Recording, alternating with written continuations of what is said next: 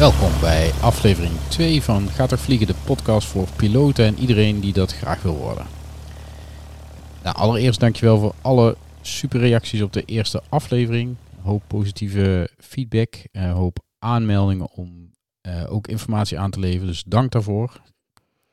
En in deze aflevering twee onderwerpen, de GPS-rollover en de kwartaalreportage. Allereerst de GPS-rollover. Wat is er aan de hand? Uh, misschien heb je al het nieuws gelezen. Het zou kunnen dat op 6 april je GPS-ontvanger niet meer goed werkt. Nou, hoe komt dat? Want dat is een beetje, uh, dat lijkt een raar getal. In het nieuws komen vaak dit soort dingen met uh, nieuwjaar of dat soort significante momenten voorbij.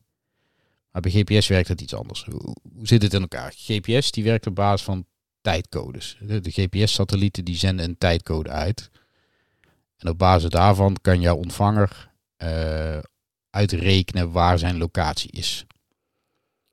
Maar dan moet de tijd natuurlijk wel kloppen met wat de ontvanger denkt dat het is. Nou, in die tijdcode die de GPS-satelliet uitzendt zit onder andere een weeknummer. En dat is, dat is een getal tussen 0 en 1023. Het is niet uh, week 12 van uh, 2019, maar het is een, een, een getal. Ze zijn begonnen met tellen ergens in januari 1980. Nou, 0 tot 1023, dat zijn uh, 1024 weken.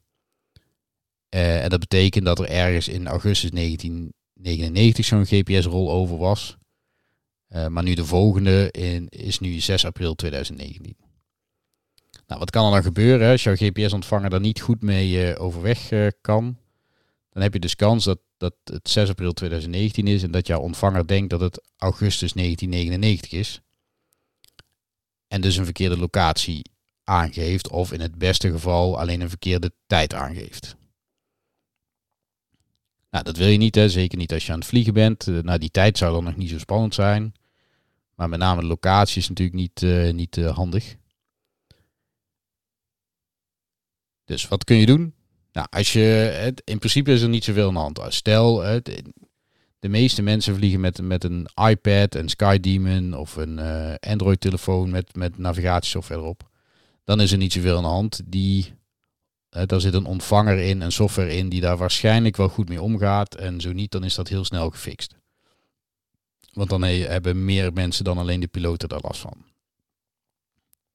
Dus dan is het een kwestie van in de gaten houden en uh, even op 6 april en 7 april er alert op zijn.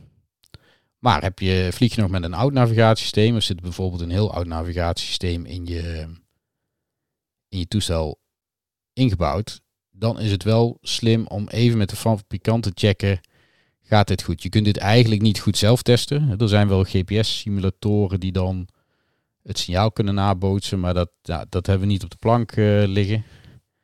Dus check het met de fabrikant, vraag aan hen hoe gaat mijn device met, dit, met deze softwareversie, hoe gaat die om met die GPS rollover? Vaak is het te fixen met een software update. Maar check het even, zodat je zeker weet dat je niet op 6 of 7 april de mist in gaat met je navigatie. En dan het tweede onderwerp, de kwartaalrapportage van de onderzoeksraad. Elk kwartaal brengt de onderzoeksraad een kwartaalrapportage uit over de luchtvaart. En daarin laten ze eigenlijk een samenvatting zien van alle onderzoeken die ze gestart zijn in dat kwartaal, onderzoeken die ze afgerond hebben, maar ook uh, kleinere incidenten waarbij geen onderzoek gestart wordt. En dan krijg je alleen een kleine samenvatting in de kwartaalrapportage te zien. Nou, elke piloot zou dit, uh, zou dit toch wel moeten lezen. Je kunt er altijd van leren. Er worden samenvattingen gegeven van wat er speelt.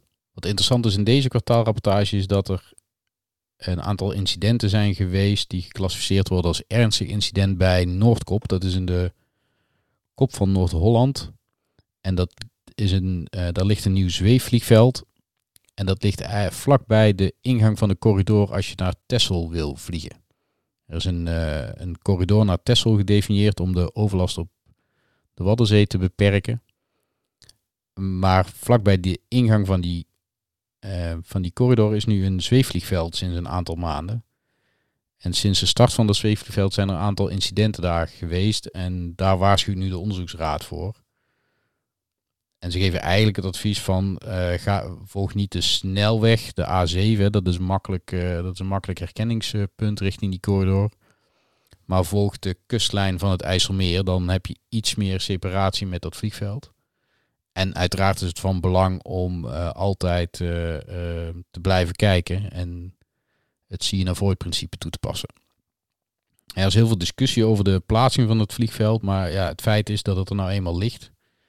Het staat in de AIP sinds half oktober. Er zijn noodams gepubliceerd, dus als je je kaart hebt bijgewerkt, dan zou je het vliegveld moeten, moeten kunnen zien staan. Ehm, dus hou het in de gaten. Je vindt de kwartaalrapportage op de site van de onderzoeksraad www.onderzoeksraad.nl. Tot zover aflevering 2 van de Gater Vliegen podcast. Heb je tips, feedback? Mail ze dan naar ralf.gatervliegen.nl. Dat is Romeo Alpha Lima Foxtrot En